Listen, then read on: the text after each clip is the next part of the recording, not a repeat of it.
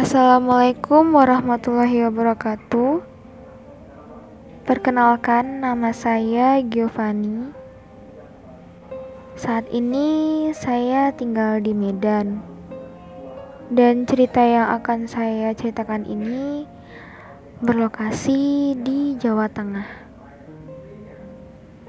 Dan kejadian ini terjadi sekitar tahun 2008. Jadi sebenarnya saya ibu bapak dan adik-adik saya tuh yang tiga orang ini laki-laki semua pulang ke Jawa pada tahun 2007 karena kan pekerjaan ayah yang mengharuskan kami ke sana.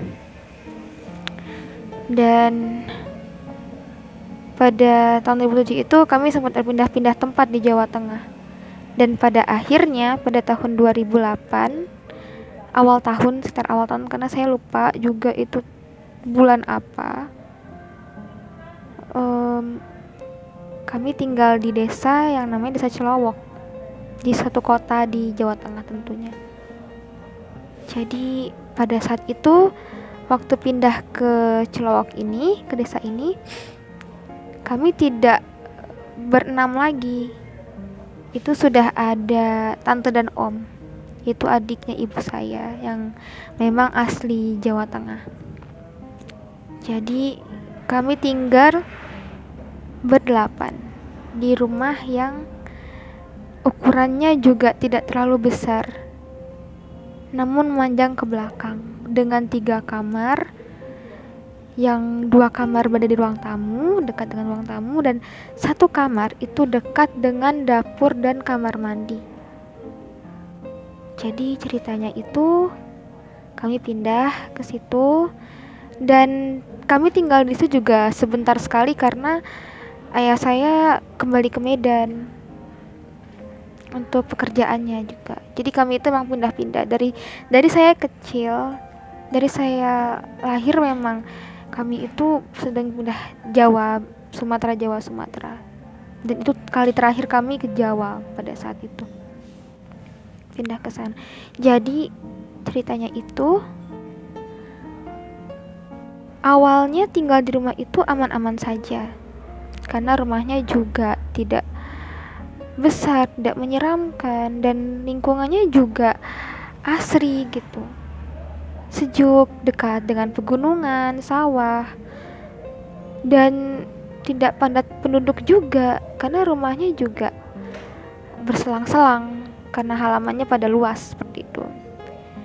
Jadi pada suatu malam, ayah saya dikagetkan dengan suara orang memasak di dapur ketika kami semua sudah tidur. Itu kejadian yang awal sekali yang terjadi di rumah itu. Ayah saya heran, kenapa ya? Kok ada orang masak jam segini gitu. Ibu saya juga heran. Padahal kan udah pada tidur semua tuh udah sepi nggak ada yang masak. Itu seperti kata ayah saya itu suaranya itu seperti antara spatula dan penggorengan itu beradu tapi tidak tahu apa yang dimasak. Namun tidak lama katanya. Sebentar akhirnya mereka untuk tidur lagi. Uh, setelah itu terjadi ya masih aman-aman saja. Kemudian giliran saya yang pada saat itu saya sedang duduk di bangku kelas 6 SD yang mana saya mau menghadapi ujian nasional pada saat itu. Sehingga saya belajar. Dan posisi saya belajar ini berada di ruang tamu. Di ruang tamu sendirian dalam rumah dan yang lain ibu bapak adik saya dan juga om dan tante saya itu berada di teras rumah di luar. Jadi saya di dalam rumah sendirian. Dan untuk uh, menghilangkan rasa takut karena saya waktu itu juga anaknya penakut. Jadi saya menghidupkan TV menyalakan televisi nonton. Saya ingat saya ingat sekali nonton Idol di salah satu televisi stasiun televisi. Agak rame gitu agak tidak sepi. Ketika sedang belajar tiba-tiba kok dari arah dapur ada suara orang berjalan tapi kok bunyinya aneh gitu. Serak serak gitu. Kayak seperti tergesek gitu. Sendalnya itu seperti dari kayu gitu. Tapi kok tidak nyampe-nyampe gitu. Agak lama juga saya tunggu. Saya perhatiin gitu suaranya. Serak serak serak serak apa ya? Makin dekat gitu tapi kenapa nggak nyampe-nyampe? Kan akhirnya saya juga parno sendiri kan. Karena durasinya juga lumayan lama. Waktu saya dengar itu nggak sebentar. Sampai pada akhirnya saya memutuskan untuk lari keluar. Untuk uh, menceritakan itu pada ibu dan keluarga saya. Saya ceritakan hidup di dalam kok ada suara gini tapi kok nggak deket ya? Apa itu? Gitu. Saya udah parno sendiri. Akhirnya mereka menenangkan dengan oh enggak itu mungkin hewan atau apalah gitu. Padahal pada saat itu juga sunyi sekali keadaan rumah dan lingkungannya juga sepi karena emang sudah malam pada jam 9 malam. Dan anehnya lagi setiap jam 9 malam itu kejadiannya selalu aneh gitu di waktu berikutnya jam 9 juga di hari yang berbeda tentunya di minggu yang berbeda pula saya, ibu dan seorang adik saya ini yang berumur lima tahun pada saat itu pergi jajan jam 9 malam pula. Tentu keadaan desa pada saat itu sangat sepi karena memang orang tidak berkegiatan lagi di malam hari. Belum juga di desa kan dan kami melewati rumah kosong. Rumah kosong ini emang jaraknya dari rumah saya itu sekitar 5 meteran gitulah nggak terlalu jauh gitu dari rumah. Jadi dekat dan kalau dilihat dari jendela kamar ibu saya itu terlihat gitu rumah itu. Pasti terlihat ya tanpa aneh-aneh kami lewati saja rumah itu karena rumah itu dikelilingi dengan semak-semak. Jadi ya kami melewati semak-semak itu pula dong. Ketika lewat semak-semak itu saya melihat ada nenek-nenek menggunakan baju kuning kemudian jarik yang motif batik gitu untuk roknya gitu dan dia digulung. Saya ingat sekali raut wajahnya itu kosong. Melihat ke depan. Dan anehnya yang itu cuman saya. Kalau ibu saya melihat pasti dia bakalan menyapa dong. Dan lagi pula ngapain juga ada nenek-nenek berdiri di semak-semak jam 9 malam mematung diem gitu aja. Aneh dong pastinya kan. Tapi karena saya waktu itu juga mikirnya nggak aneh-aneh ya saya mau menyapa tapi saya malu karena kan saya juga masih kecil. Ada saya agak menoleh dikit untuk meyakinkan diri untuk saya itu menyapa. Ketika menoleh lagi ke arah itu nenek itu berdiri tadi hilang. Itu saya shock bener-bener shock kaget. Itu apa ya? Apa saya saya saya salah lihat?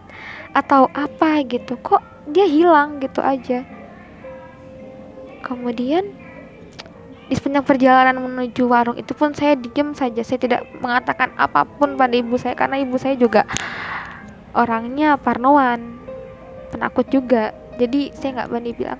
Sampai pulang ke rumah saya itu ganti posisi jalan. Yang awalnya saya di sebelah ibu saya akhirnya saya berada di sebelah adik saya. Jadi saya tuh di ujung sebelah kiri gitu waktu pulangnya. Menghindari semak-semak tadi ibu saya sempat bertanya loh kok pindah posisi mbak? Kenapa itu kok kayak ketakutan gitu gitu. Ya saya cuma bilang udah yuk kita cepet jalan nanti uh, mbak ceritain deh di rumah. Sesampainya di rumah saya cerita ibu saya kaget sekali dan dia bilang alhamdulillah kamu nggak bilang ke ibu karena kalau kamu bilang pasti ibu udah lari udah ninggalin kalian malah mungkin kayak gitu kan. Karena juga ibu saya parnoan terus akhirnya ibu saya bilang gini coba kamu ceritain sama si mbak. Jadi si mbak ini dulu dia yang kerja di rumah saya yang jaga adik dan dia itu juga bantu-bantu ibu saya lah gitu. jadi saya ceritain esok hari sama si mbak. Dan mbak ini kaget loh kamu lihat nenek itu juga jadi dia cerita emang iya nenek itu yang punya rumah kosong itu. Jadi mbak saya ini sebelum bekerja dengan saya dia itu kerja dengan nenek ini semasa hidupnya. Nenek ini kalau tidak salah tinggal sendirian dan dia sakit. Sakitnya itu tidak tahu sakit apa karena saya juga tidak bertanya sakit apa. Yang pasti kata mbak saya itu dia pernah muntah sampai seember gitu katanya gitu. Saya nggak tahu sih ini bener apa enggak ya tapi dia cerita kayak gitu. Dan emang dia suka menampakkan diri tapi tidak sembarang orang juga bisa melihat. Mungkin karena saya juga masih kecil pada saat itu jadi dia sudah menunjukkan saya bisa menunjukkan diri kepada saya gitu. Dan kata mbak saya udah nggak apa nenek itu baik kok nggak ganggu nggak jahat kok gitu. Ya saya akhir tenang. Karena sudah ditenangkan dengan kata-kata seperti itu oleh mbak saya. Dan setelah kejadian itu kejadian lain pun ikut hadir lagi. Jadi ini agak lumayan ekstrim. Sebenarnya udah termasuk ekstrim sih karena pernah juga jam 9 malam pula itu Tiba-tiba rumah kami dilempari batu dan posisinya pada saat itu di rumah hanya ada saya, ibu dan ketiga adik saya. Karena ayah saya waktu itu mungkin masih bekerja di luar atau apa saya lupa karena saya cuman ingatnya ada ibu, adik-adik saya yang berusia 5, 4 dan masih berumur belum genap setahun lah. Karena dia masih belum bisa berjalan dan dia sedang duduk di kursi roda bayi seperti itu. Jadi dilempari batu dan anehnya ngelemparnya itu batunya itu uh, keluarnya itu dari ventilasi kayu di atas pintu. Padahal jendela kami itu kaca kaca semua gitu. Dan pastinya kalau dilemparin batu kalau manusia nih yang lempar pasti ada dong yang pecah gitu kacanya. Karena dilempari batu bertubi-tubi. Walaupun batunya itu dinilai kecil juga tidak malah berukuran sedang batunya. Kami kagetnya ngelempar siapa ya? Mau keluar batunya masih masuk gitu. Akhirnya kami jalan cuma bisa berdoa dan adik saya menangis karena ketakutan. Alhamdulillahnya adik saya nggak kena batu. Lemparan batu itu. Karena jarak pintu dengan posisi kami bersembunyi itu juga dekat. Dan anehnya lagi ketika batu itu sudah mereda tidak ada suara orang tertawa marah. Suara sendal berjalan berlari itu tidak ada.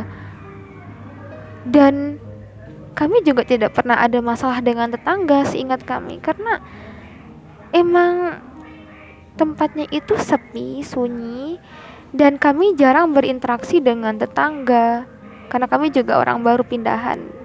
Dan tetangga itu ya tidak terlalu mengenal kami gitu. Dan anak-anak pada saat itu juga emang tidak ada yang keluar rumah untuk menjahili gitu. Tidak ada yang an tidak ada yang itulah tidak ada orang lah pokoknya di luar gitu. Kok bisa ya batu itu masuk? Kan masih heran sampai sekarang. Karena batu dari mana gitu? Di teras juga kami e, tanah gitu kayak kebun lah gitu. Tapi nggak ada batu-batuan gitu. Jalan juga setapak walaupun ya belum diaspal lah. Tapi Herannya batu itu teratur sekali masuknya. Dari lubang pintu itu aja. Atas pintu lubang ventilasi gitu. Dan kaca kami juga tidak ada yang pecah.